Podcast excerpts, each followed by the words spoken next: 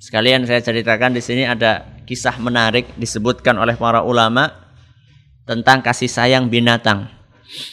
Suatu saat ada uh, seorang uh, salaf dia lagi makan, lagi makan dengan teman-temannya.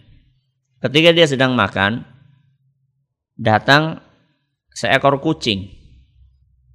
Kalau kucing mendekat berarti dia minta minta nopo? Minta jatah. Ya, minta bagian.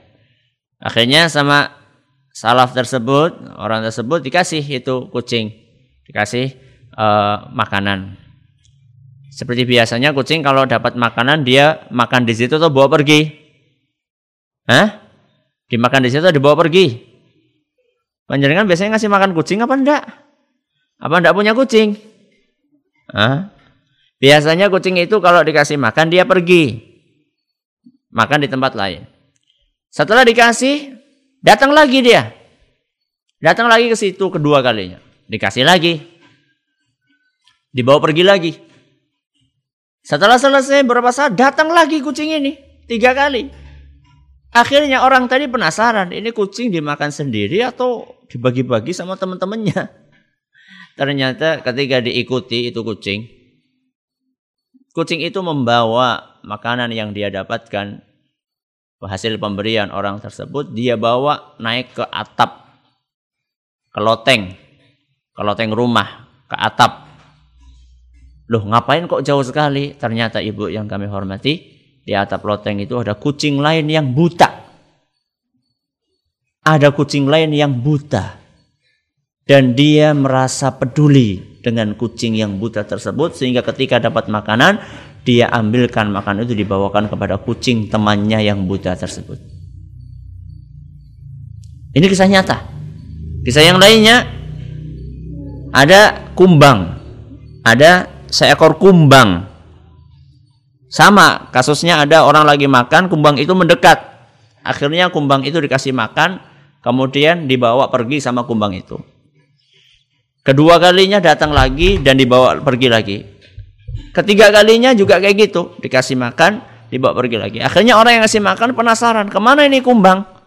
Diikuti, kumbang kan jalannya pelan, tak tak tak tak tak diikuti. Ternyata dia bawa makanan itu ke salah satu dahan pohon. Di pohon itu ada sebuah sarang burung yang di situ ada burung yang buta juga. Tidak bisa terbang, tidak bisa nyari makan. Si kumbang ini punya insting untuk berkasih sayang dengan binatang yang lainnya. Berarti kalau ada manusia tidak punya perasaan, itu berarti lebih parah dari apa? lebih parah dari binatang ibu sedangkan binatang saja punya kepedulian punya empati punya perasaan masa manusia melihat orang kekurangan tidak tersentuh dan tergerak hatinya ini manusia yang keterlaluan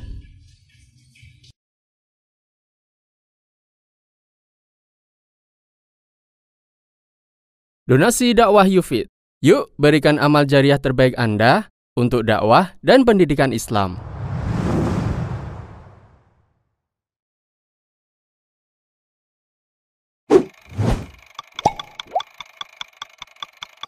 Bisa kita sederhanakan ya, saya kasih logika. Walillahil mathalul a'la. Allah memiliki perempuan yang lebih tinggi. Allah mengatakan, Nabi mengatakan dalam hadisnya, "Lallahu arhamu bi ibadi min hadi bi waladiha." Allah lebih sayang kepada hamba-hambanya daripada seorang ibu terhadap anaknya.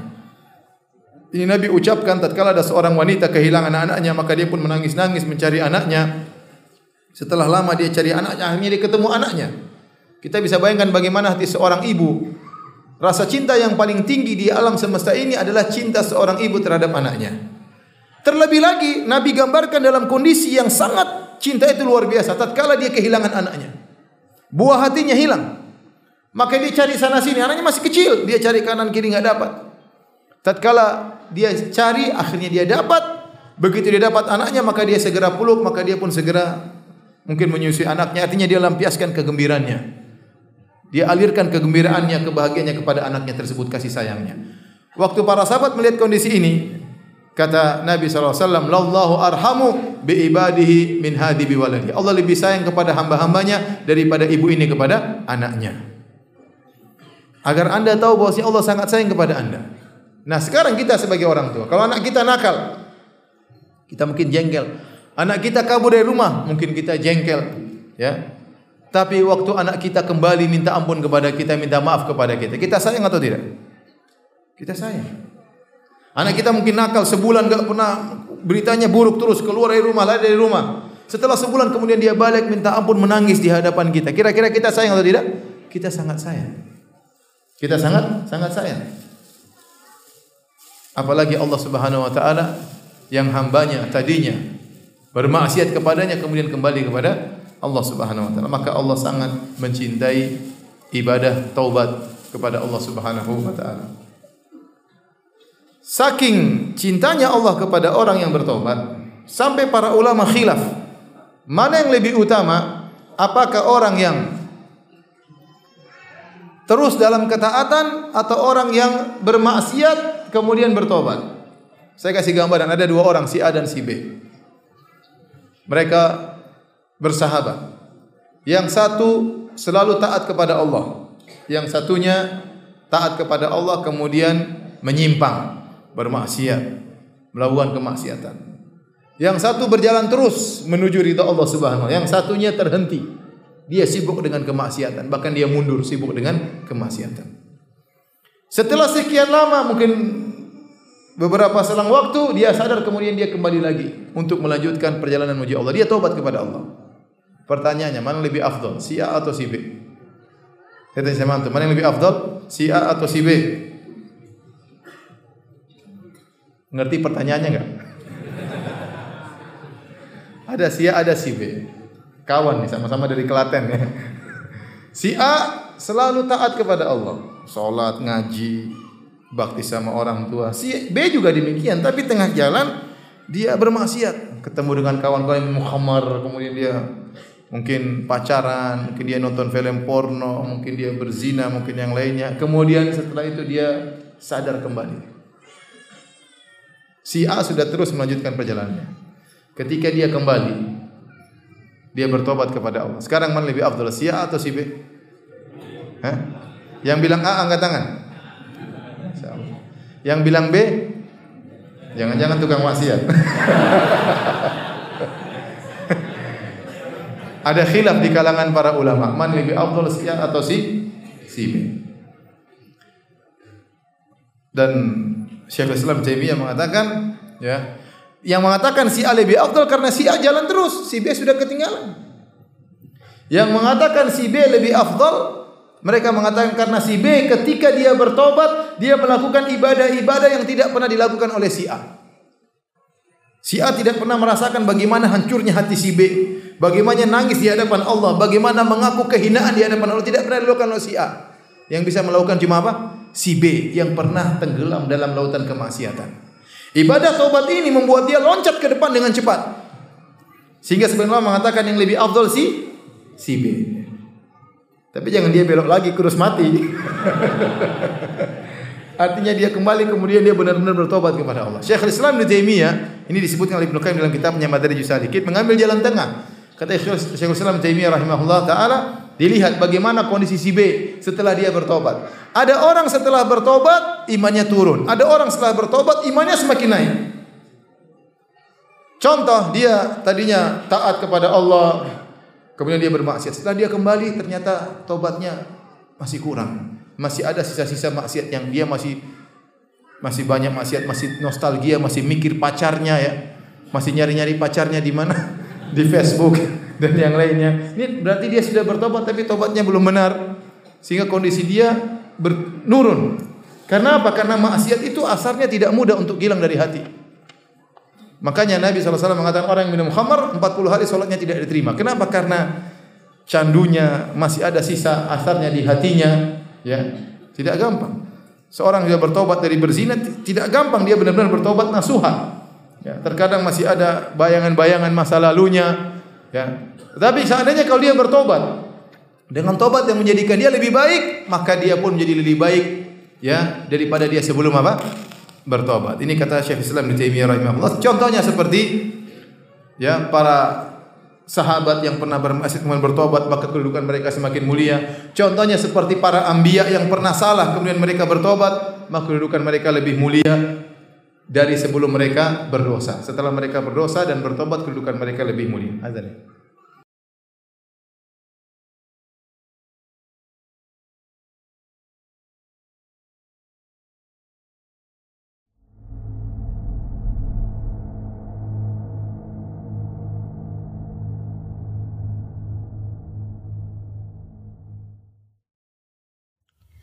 Assalamualaikum warahmatullahi wabarakatuh.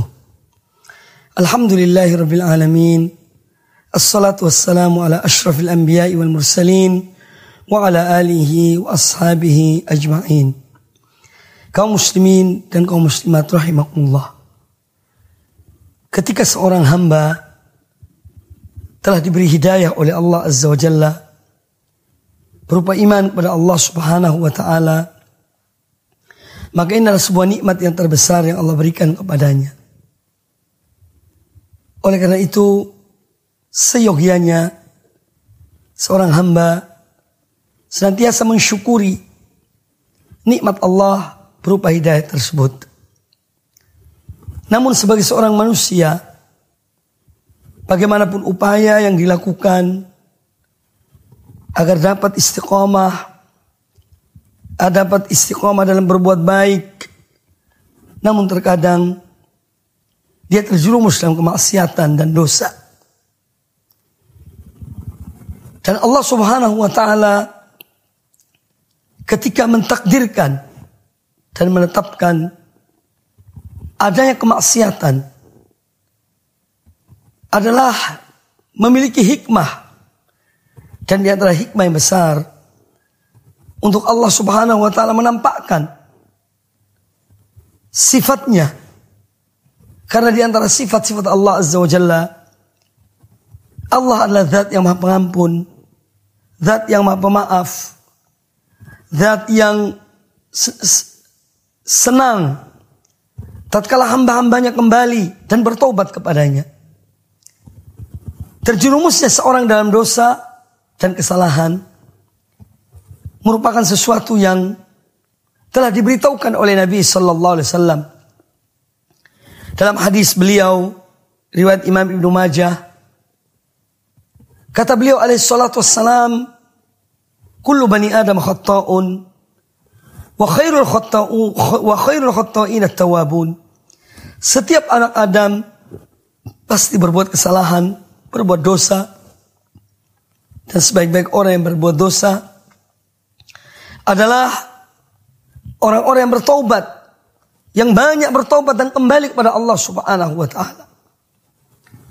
Demikian pula Allah Azza wa Jalla dalam Al-Qur'anul Karim telah menyebutkan mengatakan pada hamba-hambanya yang berbuat dosa agar tidak putus asa dari rahmat Allah. Allah taala berfirman, "Qul ya ibadiyalladzina asrafu ala anfusihim la taqnatu min rahmatillah." Inna Allah yakfirud dhunuba jami'an. Innahu huwal ghafurur rahim. Katakanlah wahai Muhammad. Wahai hamba-hambaku. Yang mereka berbuat. Melampaui batas terhadap diri mereka. Qul ya ibadiyalladzina asrafu ala anfusihim. Yang mereka melakukan perbuatan dosa. Melampaui batas terhadap diri mereka La taqnatu min rahmatillah. Janganlah kalian berputus asa dari rahmat Allah. Inna Allah yaghfiru dhunuba jami'an.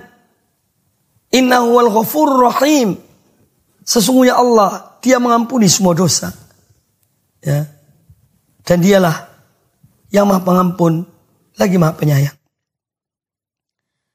Nah ayat ini sebagaimana disebutkan oleh para ulama, ayat ini adalah mengandung perintah untuk bertobat pada Allah Subhanahu wa taala. Karena ada di antara dosa-dosa yang apabila seorang tidak bertobat darinya maka dia tidak diampuni oleh Allah Subhanahu wa taala. Kalau dia meninggal dalam keadaan dan tetap ber, melakukan dosa tersebut belum bertobat dari dosa itu, maka dia tidak akan diampuni oleh Allah Azza wa Jalla. Contohnya adalah kesyirikan. Seorang yang berbuat dosa berupa kesyirikan, dia harus kembali dan bertobat pada Allah Azza wa Jalla. Nah yang terpenting dari apa yang kita simak tadi, ketika kita mengetahui bahwasanya manusia terjerumus dalam dosa dan sebaik-baik orang yang berbuat dosa adalah yang kembali kepada Allah Subhanahu wa taala yang banyak bertobat pada Allah Subhanahu wa taala maka kewajiban seorang hamba yang mana dia tidak luput dari dosa dan kemaksiatan adalah dengan dia kembali kepada Allah Subhanahu wa taala. Dia melakukan kebaikan dia mengadakan perbuatan yang baik. Sesudah dia berbuat keburukan. Sebagaimana disabdakan oleh Nabi sallallahu alaihi wasallam, "Wa atbi as-sayyi'atal hasanata tamhuha." Dan ikutilah satu perbuatan buruk dan engkau melakukan perbuatan yang baik. Para ulama menyebutkan melakukan perbuatan yang baik setelah melakukan perbuatan yang buruk. Yang pertama adalah dengan bertobat pada Allah Azza wa Jalla. Seorang mengakui akan dosanya dan kesalahannya. Yang kedua adalah dengan memperbanyak amal-amal kebaikan. Setelah seorang melakukan perbuatan dosa dan kesalahan. Dan ada sebuah hadis Nabi Sallallahu Alaihi Wasallam yang mana hadis ini tentu mendorong seseorang untuk senantiasa bertobat dan kembali kepada Allah Subhanahu Wa Taala serta melakukan amal-amal kebaikan setelah dia melakukan suatu perbuatan dosa, suatu kemaksiatan atau suatu kesalahan. Diriwayatkan Imam At-Tabrani dalam kitabnya Al-Mu'jamul Awsat dari sahabat Abu Dhar Al-Ghifari radhiyallahu anhu beliau mengatakan bahwa Rasulullah sallallahu alaihi wasallam bersabda man ahsana fima baqiya ghufira lahu ma madha. Man ahsana fima baqiya. Barang siapa yang dia berbuat baik pada sisa-sisa umurnya pada sisa-sisa kehidupannya niscaya dia akan diampuni. Apa yang telah dia lakukan apa yang telah dia kerjakan dari perbuatan-perbuatan dosa. Kemudian kata Nabi Shallallahu Alaihi Wasallam, "Waman asa'a fima baqiya ukhidha ma madha wa ma baqiya." Waman asa asa'a dan barang siapa yang dia tetap berbuat jelek ya pada sisa-sisa umurnya maka dia akan di beri sanksi dari dosanya yang terdahulu maupun yang yang kemudian.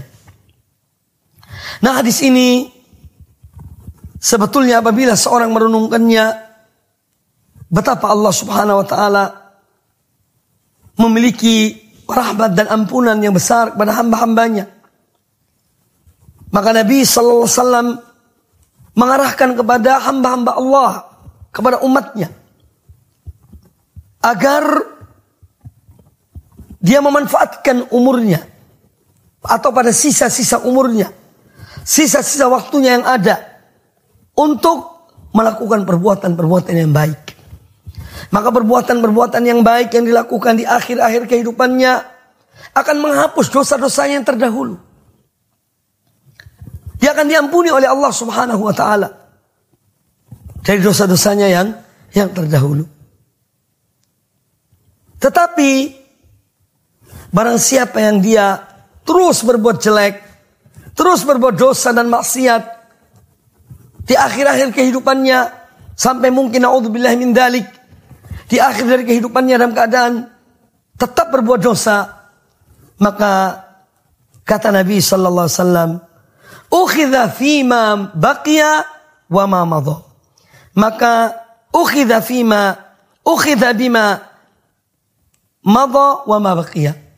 Maka dia akan diberi sanksi oleh Allah terhadap dosa-dosa yang terdahulu dan yang dia lakukan di akhir akhir kehidupannya. Makanya seorang hamba ketika dia selalu minta kepada Allah Azza wa Jalla agar Allah memberikannya, menganugerahkan kepadanya husnul khotimah, mati dalam keadaan baik. Salah satunya adalah mati dalam keadaan dia telah bertobat pada Allah Ta'ala.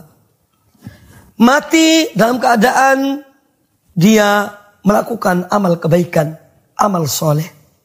Dan ini salah satu tanda, salah satu ciri seorang mati dalam kebaikan. Dan Allah Azza wa Jalla apabila menghendaki seorang hamba kebaikan di akhir hidupnya yaitu dengan dia mati dalam keadaan baik dalam keadaan husnul khotimah maka Allah menggunakan hamba ini sebagaimana disabdakan oleh Nabi sallallahu alaihi wasallam dalam hadis yang sahih idza aradallahu bi 'abdin khairan Apabila Allah menghendaki suatu kebaikan bagi seorang hamba, istamalahu. Maka Allah akan menggunakan atau memakai hamba ini. Maka sebagian sahabat bertanya, kila. Sebagian sahabat bertanya kepada Nabi sallallahu alaihi wasallam, "Ya Rasulullah, wa kaifa yasta'miluhu?" Wahai Rasulullah, bagaimanakah Allah memanfaatkan, Allah memakai orang ini? seorang hamba tersebut yang Allah menghendaki kebaikan baginya qal kata Nabi sallallahu alaihi wasallam yahdihi li amalin salihin qabla mautihi yahdihi li amalin salihin qabla mautihi maka Allah memberikan petunjuk, memberikan hidayah, memberikan taufik kepadanya yakni untuk melakukan amal-amal kebaikan sebelum dia meninggal. Ini cara Bagaimana Allah Subhanahu wa taala memakai seorang hamba di akhir ke akhir kehidupannya yang mana Allah menghendaki kebaikan baginya. Maka itu kaum muslimin dan kaum muslimat rahimani wa rahimakumullah. Tidak ada gading yang tidak retak. Tidak ada manusia yang luput dari dosa dan maksiat. Kecuali orang-orang yang memang dipelihara dan dijaga oleh Allah Azza wa Jalla. Tetapi yang terbaik adalah Bagaimana seorang menyadari dan menyesali perbuatan dosa yang pernah dia lakukan. Kemudian penyesalan itu menggiring dia, membawa dia kepada taubat, kepada amal kebaikan sampai akhir dari kehidupannya. Seorang yang pernah melakukan kesyirikan, tinggalkanlah kesyirikan itu. Hijrahlah dari kesyirikan kepada tauhid. Seorang yang mungkin melakukan perbuatan-perbuatan yang tidak dicontohkan oleh Nabi Sallallahu Alaihi Wasallam. Maka tinggalkanlah perbuatan itu. Hijrahlah dari perbuatan tersebut kepada sunnah Nabi Sallallahu Alaihi Wasallam. Seorang yang pernah terjerumus dalam perbuatan-perbuatan dosa dan maksiat. Hendaklah dia berhijrah dari perbuatan dosa tersebut kepada perbuatan ketaatan. Sebagaimana yang disabdakan oleh Nabi sallallahu alaihi wasallam dalam hadis sahih riwayat Imam Muslim wal muhajiru man hajara mana Allahu an dan seorang yang berhijrah adalah orang yang meninggalkan apa yang dilarang apa yang dilarang oleh Allah Subhanahu wa taala dia meninggalkan apa yang dilarang oleh Allah dan dia tentu kembali kepada Allah dan melakukan ketaatan-ketaatan pada Allah taala Semoga Allah Azza wa Jalla senantiasa memberikan pada kita taufik. Memberikan kekuatan. Untuk kita selalu kembali kepada Allah. Menyesali perbuatan dosa yang kita lakukan. Menyesali waktu dan umur kita. Yang berjalan, yang berlalu. Ya, Dan di saat-saat itu. Mungkin kita melakukan dosa. Atau menyanyiakan kesempatan yang ada. Semoga semua itu diampuni oleh Allah subhanahu wa ta'ala. Dan kita mengisi kehidupan kita adalah dengan beribadah kepada Allah Subhanahu wa taala sampai akhir dari kehidupan kita. Semoga apa yang disampaikan bermanfaat bagi kita semuanya. Aku qouli hadza wallahu taala a'lam. Wassalamualaikum warahmatullahi wabarakatuh.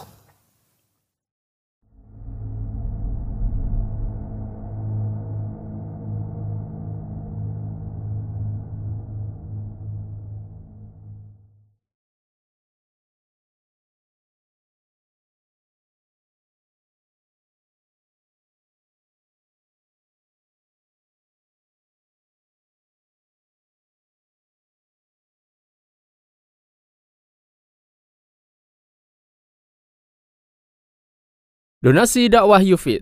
Yuk berikan amal jariah terbaik Anda untuk dakwah dan pendidikan Islam.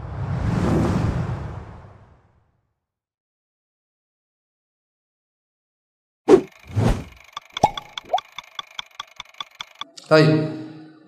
Jadi orang yang bertobat dan beristighfar kepada Allah Subhanahu wa taala, Allah berikan dia sukses di dunia. Allah mudahkan urusannya. Orang yang sering beristighfar, kalau dia berdakwah insya Allah dimudahkan dakwahnya. Kalau dia seorang pedagang insya Allah dimudahkan dagangnya ya. Kalau dia berniat menjalankan sunnah, insya Allah dimudahkan menjalankan sunnahnya. Sampai saya bercanda kepada sebagian teman, ente selalu gagal poligami karena banyak maksiat, kurang istighfar. Bercanda ibu-ibu ya enggak? Kalau ente ditolak, astagfirullah, astagfirullah, biar diterima. Intinya, intinya, semua problematika ini karena apa? Karena dosa. Antum yakin atau tidak? Yakin sudah, itu karena dosa. Ma asabaka min sayyi'atin fa min nafsik. Apa pun keburukan yang menimpamu karena kesalahanmu. Baik, ini di dunia Allah berikan ketenangan, Allah berikan solusi. Terlebih lagi di akhirat. Terlebih lagi di di akhirat. Kalau seorang bertobat kepada Allah Subhanahu wa taala, maka Allah akan ampuni dosa-dosanya sebanyak apa pun.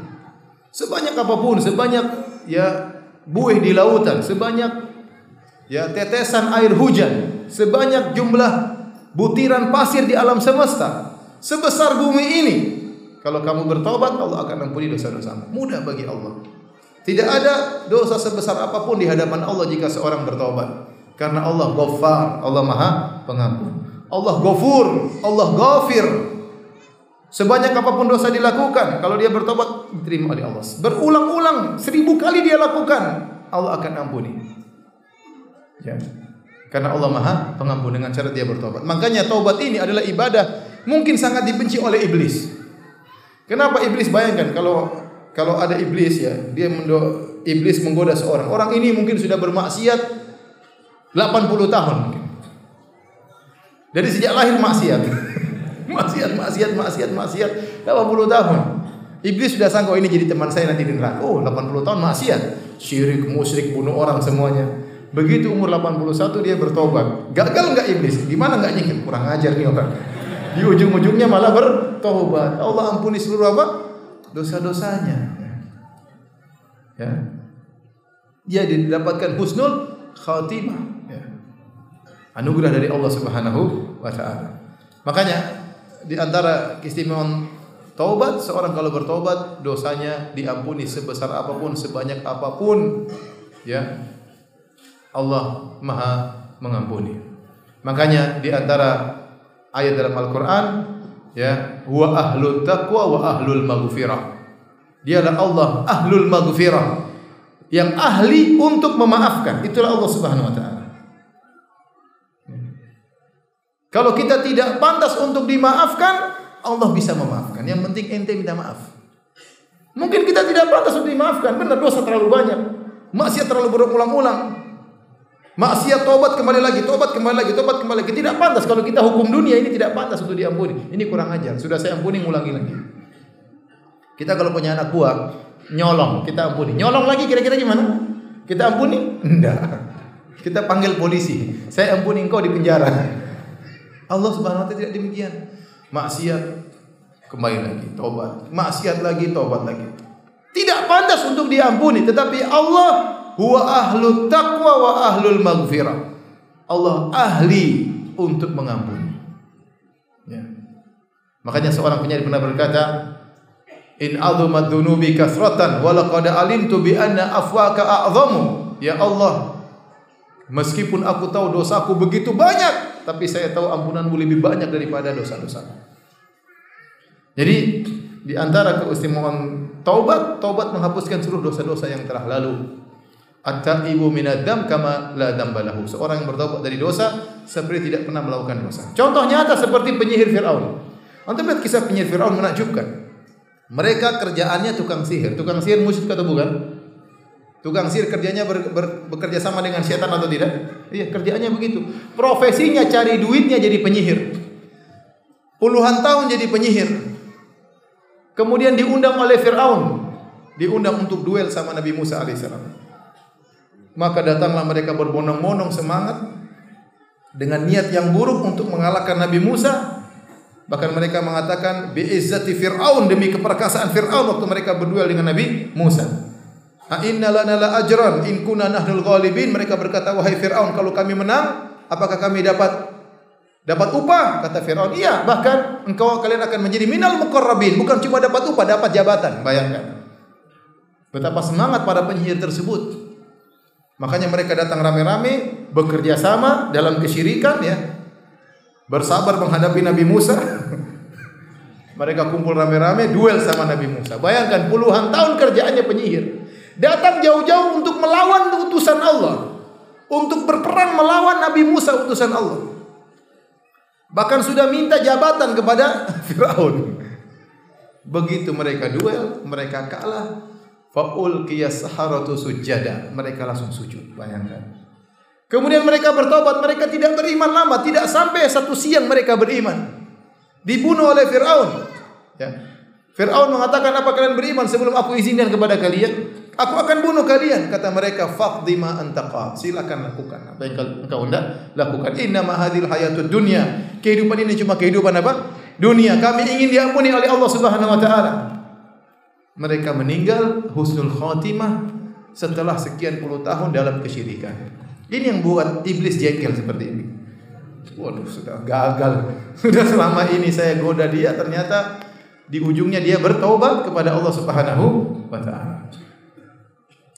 Ustaz kalau gitu saya juga begitu Ustaz. Eh, ente, ente tengah-tengah maksiat tewas repot. Berhasil iblis. Berhasil. Ya saya Auzubillah sebagian orang berzina, nantilah saya bertobat, nantilah. Begitu sedang berzina, jantungan terus tewas. Seorang nonton film porno, nantilah saya bertobat habis ini. Lagi dua seri, tiga seri. Kalau lagi nonton tewas, coba masa. Waliyahzubillah. Tidak sempat bertobat. Kita nggak tahu kapan Allah cabut nyawa nyawa kita. Oleh karenanya di antara keistimewaan tobat di akhirat kalau seorang sudah bertobat semua dosanya diampuni oleh Allah Subhanahu wa taala sebesar apa pun dosa tersebut. Kemudian bukan cuma itu.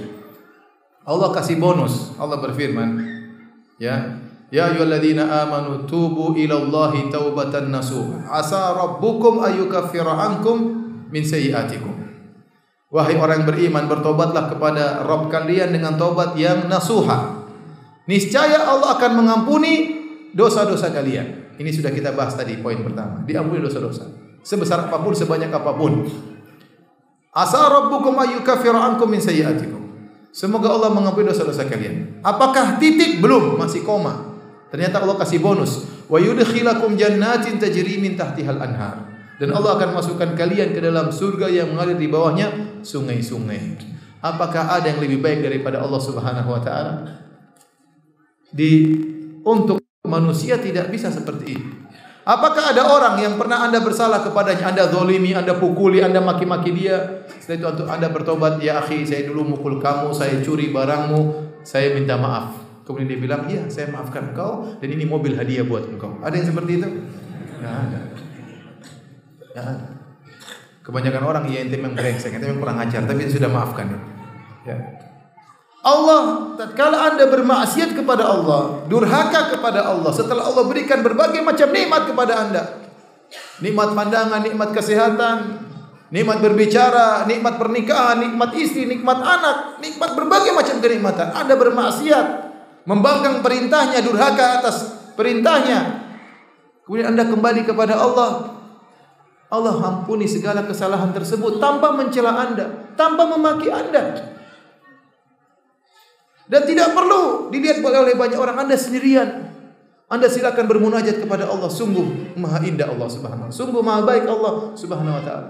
Kita kalau minta maaf sama orang, betapa banyak pertanyaan kepada saya, Ustaz saya minta maaf, orang yang tidak memaafkan saya.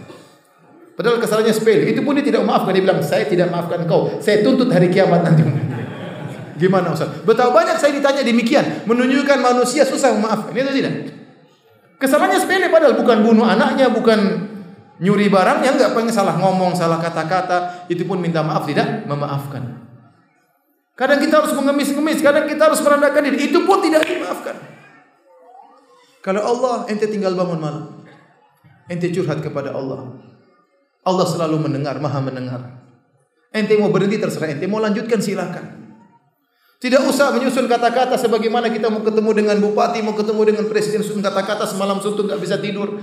Ente ketemu Allah biarkan mengalir dari hati Anda. Dalam sujud minta ampun kepada Allah. Apakah Allah mencela? Tidak sama sekali. Apakah Allah menghardik tiba-tiba datang halilintar? Dish. Makanya saya sudah bilang jangan macam-macam. Enggak ada. Enggak ada. Ente tinggal minta maaf, tinggal menangis di depan Allah semuanya telah selesai. Bukan cuma itu dikasih bonus surga. Saya bilang tadi tidak ada manusia yang minta maaf sama dia kemudian dia bilang ya saya maafkan kamu dan ini rumah buat kamu. Tidak ada. Ini cewek cantik buat kamu apalagi? ini Allah ente salah ente minta maaf ente diampuni dikasih surga dikasih istana dikasih bidadari. Apalagi yang kurang? Apalagi kurang baiknya Allah Subhanahu wa taala. Maka sungguh benar Perkataan Nabi SAW, Lallahu arhamu bi ibadihi min hadi bi waladiha. Sungguh Allah lebih sayang kepada hambanya daripada seorang ibu terhadap anaknya. Bahkan seorang anak waktu salah sama orang tuanya sama ibunya, terkadang ibunya tidak memaafkan. Terkadang ibunya marah dulu, terkadang ibunya maki dulu baru memaafkan. Itu ibunya sendiri. Allah tidak pernah begitu. Allah tidak pernah begitu. Biar Anda tahu bahwasanya Anda memiliki Tuhan yang sangat sayang kepada kepada Anda. Jadi orang kalau bertobat kepada Allah di akhirat, diampuni dosa-dosanya. Bahkan dikasih bonus surga oleh Allah Subhanahu wa taala. Bahkan ditinggikan derajatnya. Makanya dalam ayat kata Allah Subhanahu wa taala, ya illa man tab. Coba Allah bercerita tentang orang pelaku dosa besar. Kata Allah, "Walladzina la yad'una ma'allahi ilahan akhar." wa la yaqtulun nafsa allati harramallahu illa bil haqq wa la yaznun. Ini tiga dosa paling besar dan orang-orang yang tidak berbuat kesyirikan dan orang-orang tidak membunuh orang lain dan orang-orang tidak berzina. Wa may yaf'al dzalika yalqa athama. Barang siapa melakukan dosa ini, syirik kepada Allah, berzina, membunuh orang, yalqa athama, dia akan mendapatkan dosanya pada hari kiamat. Yudha'af lahul adabu yaumal qiyamah. Maka pada hari kiamat dia akan dilipat gandakan dosanya. Siksaannya akan dilipat gandakan dikekalkan dalam neraka jahanam. Setelah itu Allah mengatakan illa man taba, kecuali orang yang bertobat. Wa amana wa amila amalan salihan. Kemudian dia beriman dan beramal saleh. Kata Allah faulaika yubaddilullahu sayyiati hasanat. Mereka ini dosa-dosanya dirubah menjadi kebaikan. Bayangkan, maksiatnya dirubah jadi pahala. Apa yang lebih indah daripada ini? Apalagi yang lebih baik daripada ini? Maka kalau Anda ingin sukses dunia maupun di akhirat perbanyak bertobat kepada Allah Subhanahu wa taala. Maka saya ingatkan para hadirin ya, kita diajarkan oleh Nabi SAW istighfar di pagi hari, petang hari Anda boleh istighfar 100 kali di pagi hari, istighfar 100 kali di petang hari. Anda bisa baca doa Sayyidul Istighfar di pagi hari dan petang hari. Habis salat kita istighfar astagfirullah astagfirullah astagfirullah.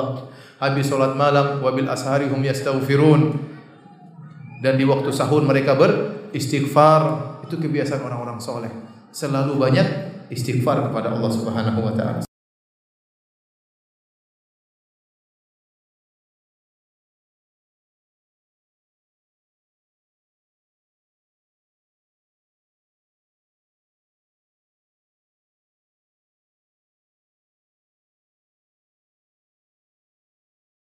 إن الحمد لله نحمده ونستعينه ونستغفره ونعوذ بالله من شرور أنفسنا ومن سيئات أعمالنا من يهده الله فلا مضل له ومن يضلل فلا هادي له وأشهد أن لا إله إلا الله وحده لا شريك له وأشهد أن محمدا عبده ورسوله صلى الله عليه وعلى آله وصحبه وسلم يا أيها الذين آمنوا اتقوا الله حق تقاته ولا تموتن إلا وأنتم مسلمون يا أيها الناس اتقوا ربكم الذي خلقكم من نفس واحدة وخلق منها زوجها وبث منهما رجالا كثيرا ونساء واتقوا الله الذي تساءلون به والأرحام إن الله كان عليكم رقيبا يا أيها الذين آمنوا اتقوا الله وقولوا قولا سديدا يصلح لكم أعمالكم ويغفر لكم ذنوبكم وما يطع الله ورسوله فقد فاز فوزا عظيما أما بعد فإن أصدق الحديث كتاب الله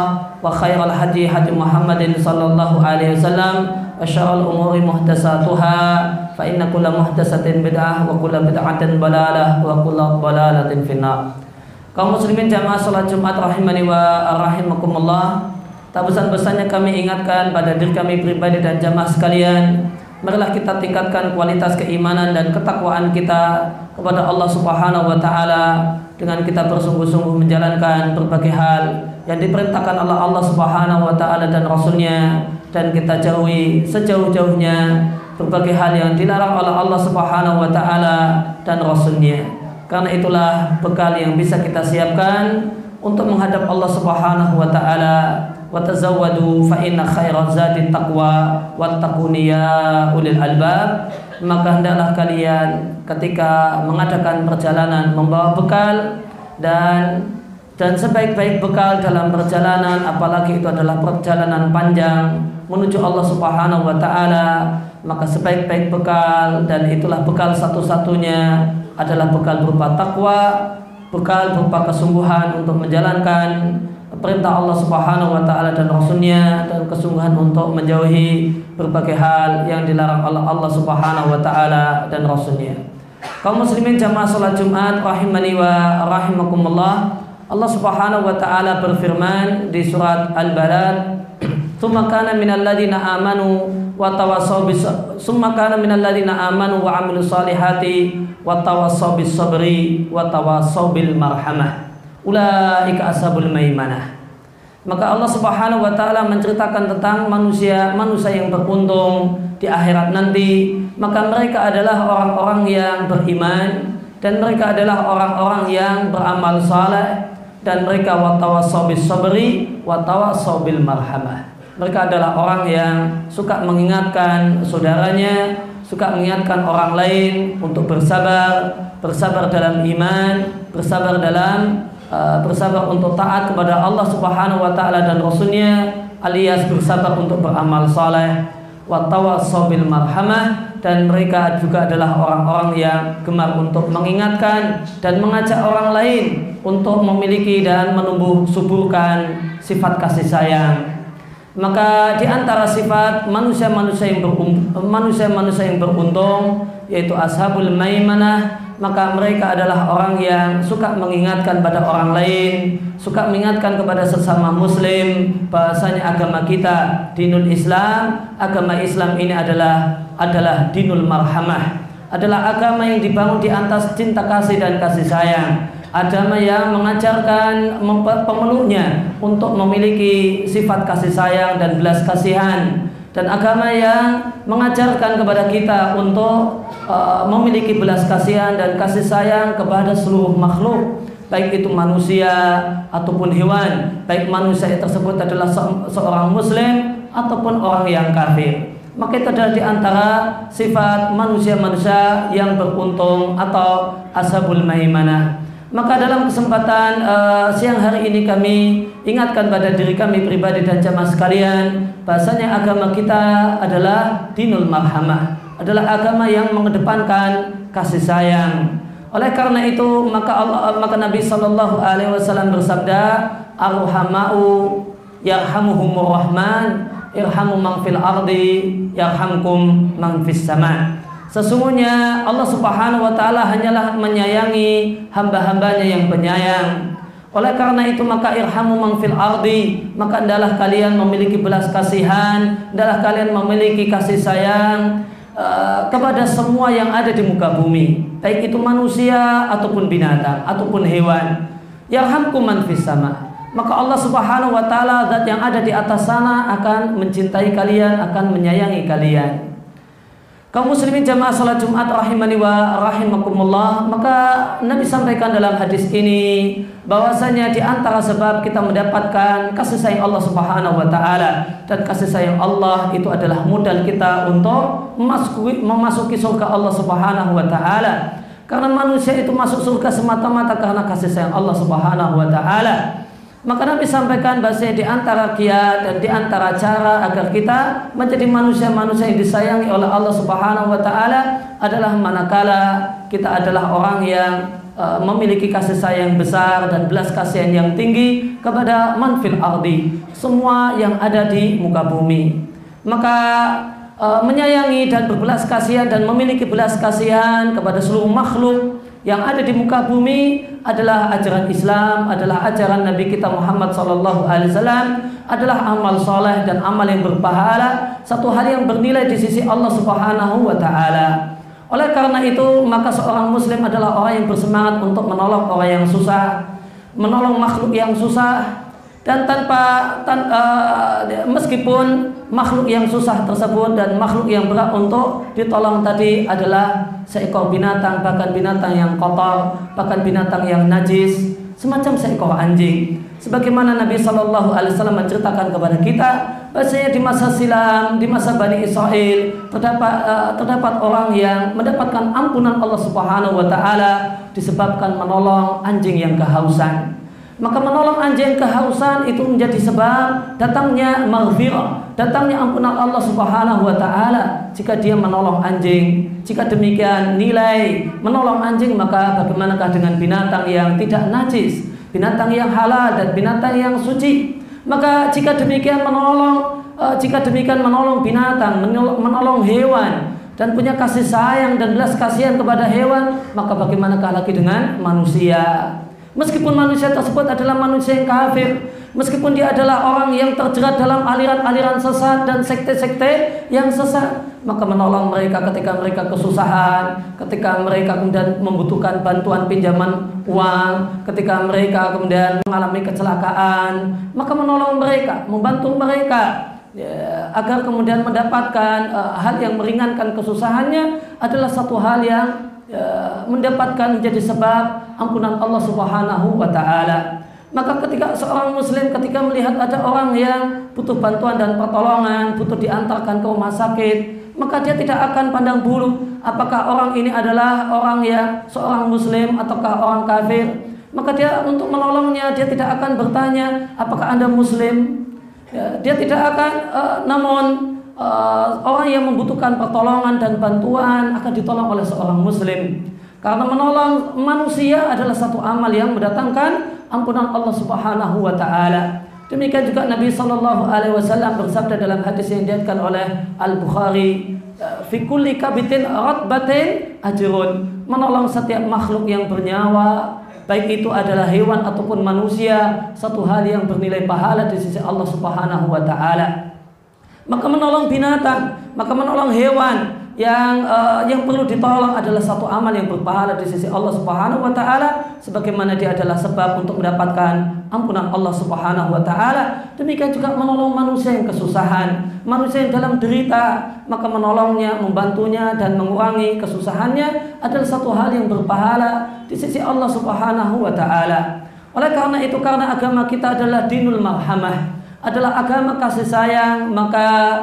uh, di antaranya Nabi Shallallahu Alaihi Wasallam mengajarkan kepada kita seandainya uh, kita akan menghilangkan nyawa binatang yang Allah perintahkan untuk kita hilangkan nyawanya untuk kita bunuh. Maka Nabi perintahkan agar kita bunuh dengan cara-cara yang baik yaitu cara yang cepat menghilangkan nyawanya dan mempercepat kematiannya. Oleh karena itu Nabi Shallallahu Alaihi Wasallam bersabda dalam hadis yang diatkan oleh Muslim wa idza qataltum fa ahsinul kitlah jika salah satu kalian tidak membunuh hewan yang Allah perintahkan untuk dibunuh semacam tikus atau yang lain kala jengking, ular dan sebagainya maka Nabi katakan fa ahsinul kitlah maka adalah kalian membunuh dengan cara yang terbaik yaitu cara yang paling cepat menghilangkan nyawanya dan tidak menyiksanya dan membuatnya berlama-lama dengan kesusahan karena meregang nyawa maka maka Nabi Shallallahu Alaihi Wasallam mengajarkan kepada kita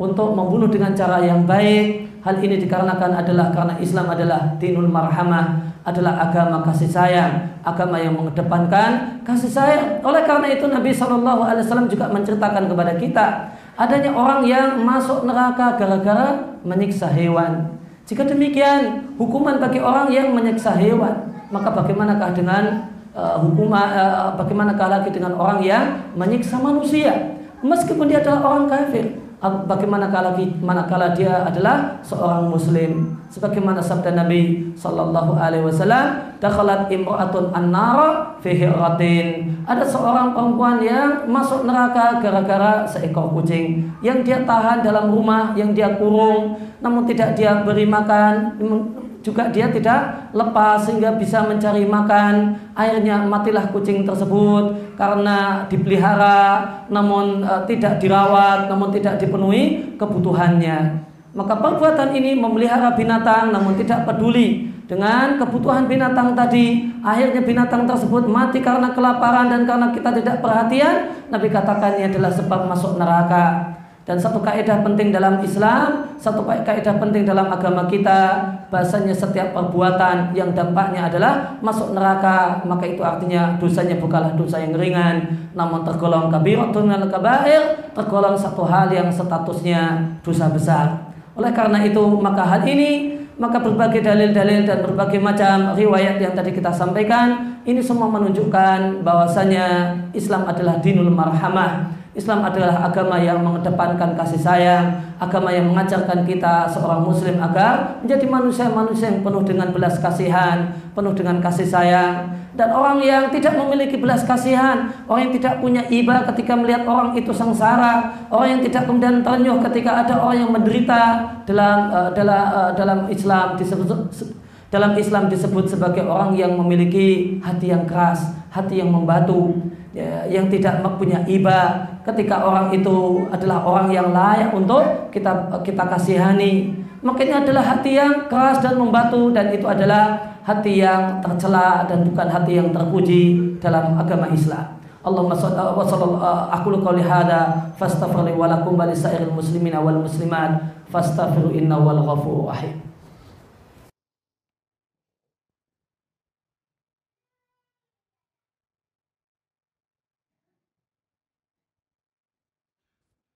Alhamdulillahilladzi hadana li hada wa ma kunna linahtadiya laula an hadana Allah. Laqad ja'at rusul rabbina bil haqq wa nutu an tilkumul jannatu urithumuha bima kuntum ta'malun. Wa asyhadu an la ilaha illallah wahdahu la syarika lah wa asyhadu anna Muhammadan abduhu wa rasuluhu sallallahu alaihi wa ala alihi wa sahbihi wa sallam amma ba'd. Kaum muslimin jamaah salat Jumat rahimani wa rahimakumullah berkaitan dengan uh, keyakinan seorang muslim maka seorang muslim meyakini adanya hari berbangkit. Dan pada saat hari berbangkit dan pada saat di padang mahsyar maka Allah kumpulkan seluruh makhluk. Allah kumpulkan seluruh jin demikian juga seluruh manusia dari Adam sampai manusia yang terakhir. Demikian juga di antara makhluk yang Allah kumpulkan di padang mahsyar adalah binatang. Sebagaimana firman Allah Subhanahu wa taala wa idzal wuhushu husyirat dan ingatlah ketika hari yaitu hari kiamat di mana binatang-binatang Allah kumpulkan. Dan apa apa maksud dan apa tujuan Allah Subhanahu wa taala mengumpulkan binatang?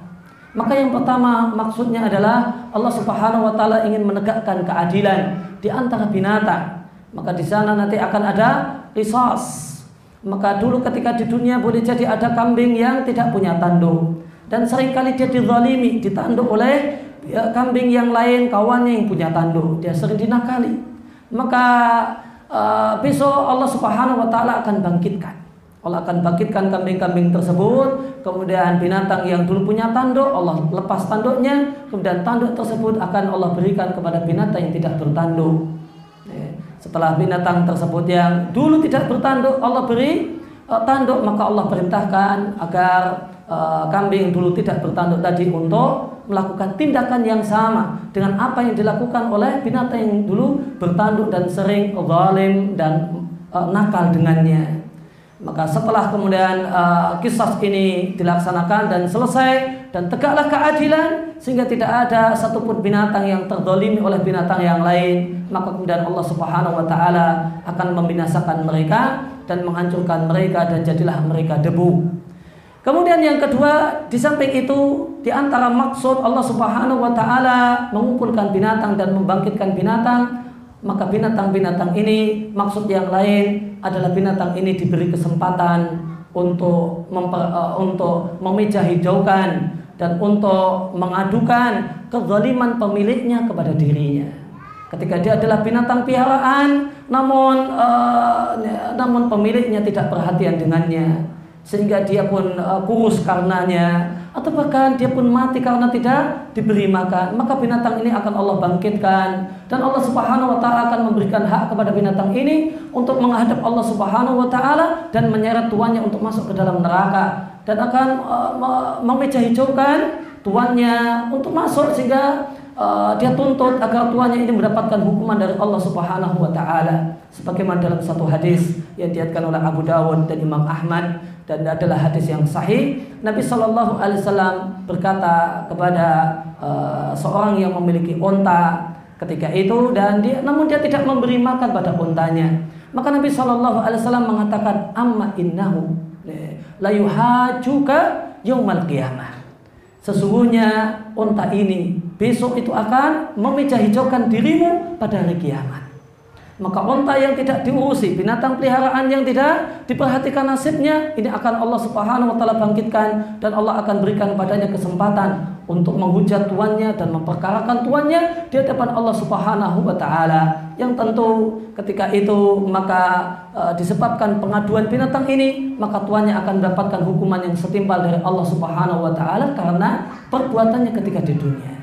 E, maka di, demikianlah maksud di antara maksud Allah Subhanahu wa taala membangkitkan binatang. Ini menunjukkan bahasanya uh, seorang muslim wajiblah menjadi seorang yang perhatian ya, dengan binatang yang dia pelihara.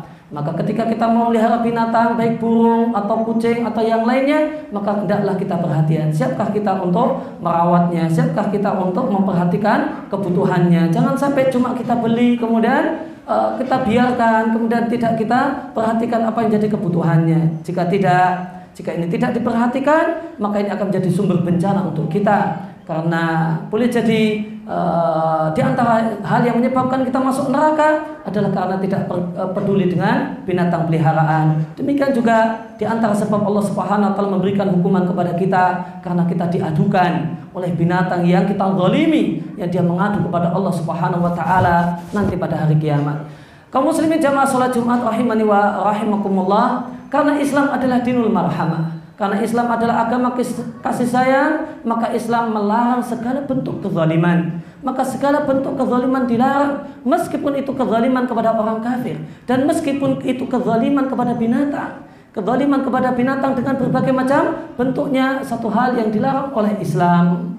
Di antaranya adalah yang telah kita bahas, orang punya binatang peliharaan namun tidak dia pelihara dan tidak dia perhatikan kebutuhannya. Dan ini jelas adalah bentuk kezaliman kepada binatang.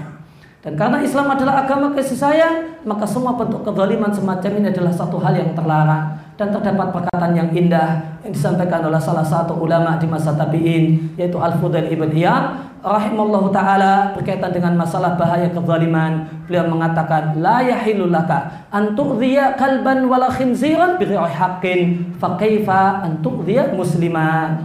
Ya, beliau katakan tidak halal bagi anda seorang muslim untuk menzalimi dan menyakiti anjing ataupun babi bighairi haqqin manakala anda sakiti, anda lempari dengan batu dan dia tidak punya kesalahan. Dan anda tidak punya alasan untuk zalim kepadanya.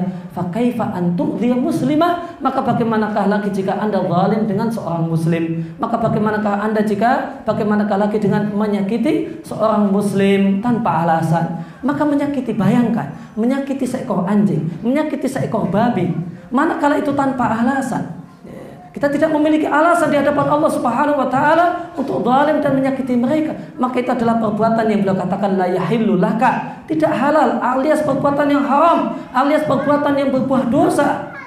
Maka belum beliau katakan jika itu haram hukumnya menyakiti anjing dan menyakiti babi tanpa alasan, maka bagaimana lagi dengan kezaliman dan menyakiti manusia? Bagaimanakah jika manusia yang tersebut adalah manusia muslim? Bagaimanakah dia jika dia adalah muslim yang taat yang merupakan kekasih Allah Subhanahu wa taala? Tentu lebih besar lagi dosanya dan lebih besar lagi masalahnya. Allahumma shalli ala Muhammad wa ala ali Muhammad kama shallaita ala Ibrahim wa ala ali Ibrahim innaka Hamidum Majid wa barik ala Muhammad wa ala ali Muhammad kama barakta ala Ibrahim wa ala ali Ibrahim innaka Hamidum Majid. Allahumma ighfir lil mu'minina wal mu'minat wal muslimina wal muslimat al ahya'i minhum wal amwat innaka antas sami'un qaribun mujibud da'wat ya qadiyal hajat bi rahmatika ya arhamar rahimin. Rabbana fir lana dhunubana wa li warhamhuma kama rabbana sighara. Allahumma inna nas'aluka al-huda wa tuqa wal afaf wal ghina. Allahumma inna nas'aluka hubbaka wa hubba man yuhibbuka wal amal alladhi yubalihu hubbaka. Rabbana hab lana min azwajina wa dhurriyyatina qurrata a'yun waj'alna lil muttaqina imama. Rabbana atina fid dunya hasanah wa fil akhirati hasanah wa qina adzabannar wa ala nabiyyina Muhammadin wa ala alihi wa sahbihi wa salam wa akhu da'wana alhamdulillahi rabbil alamin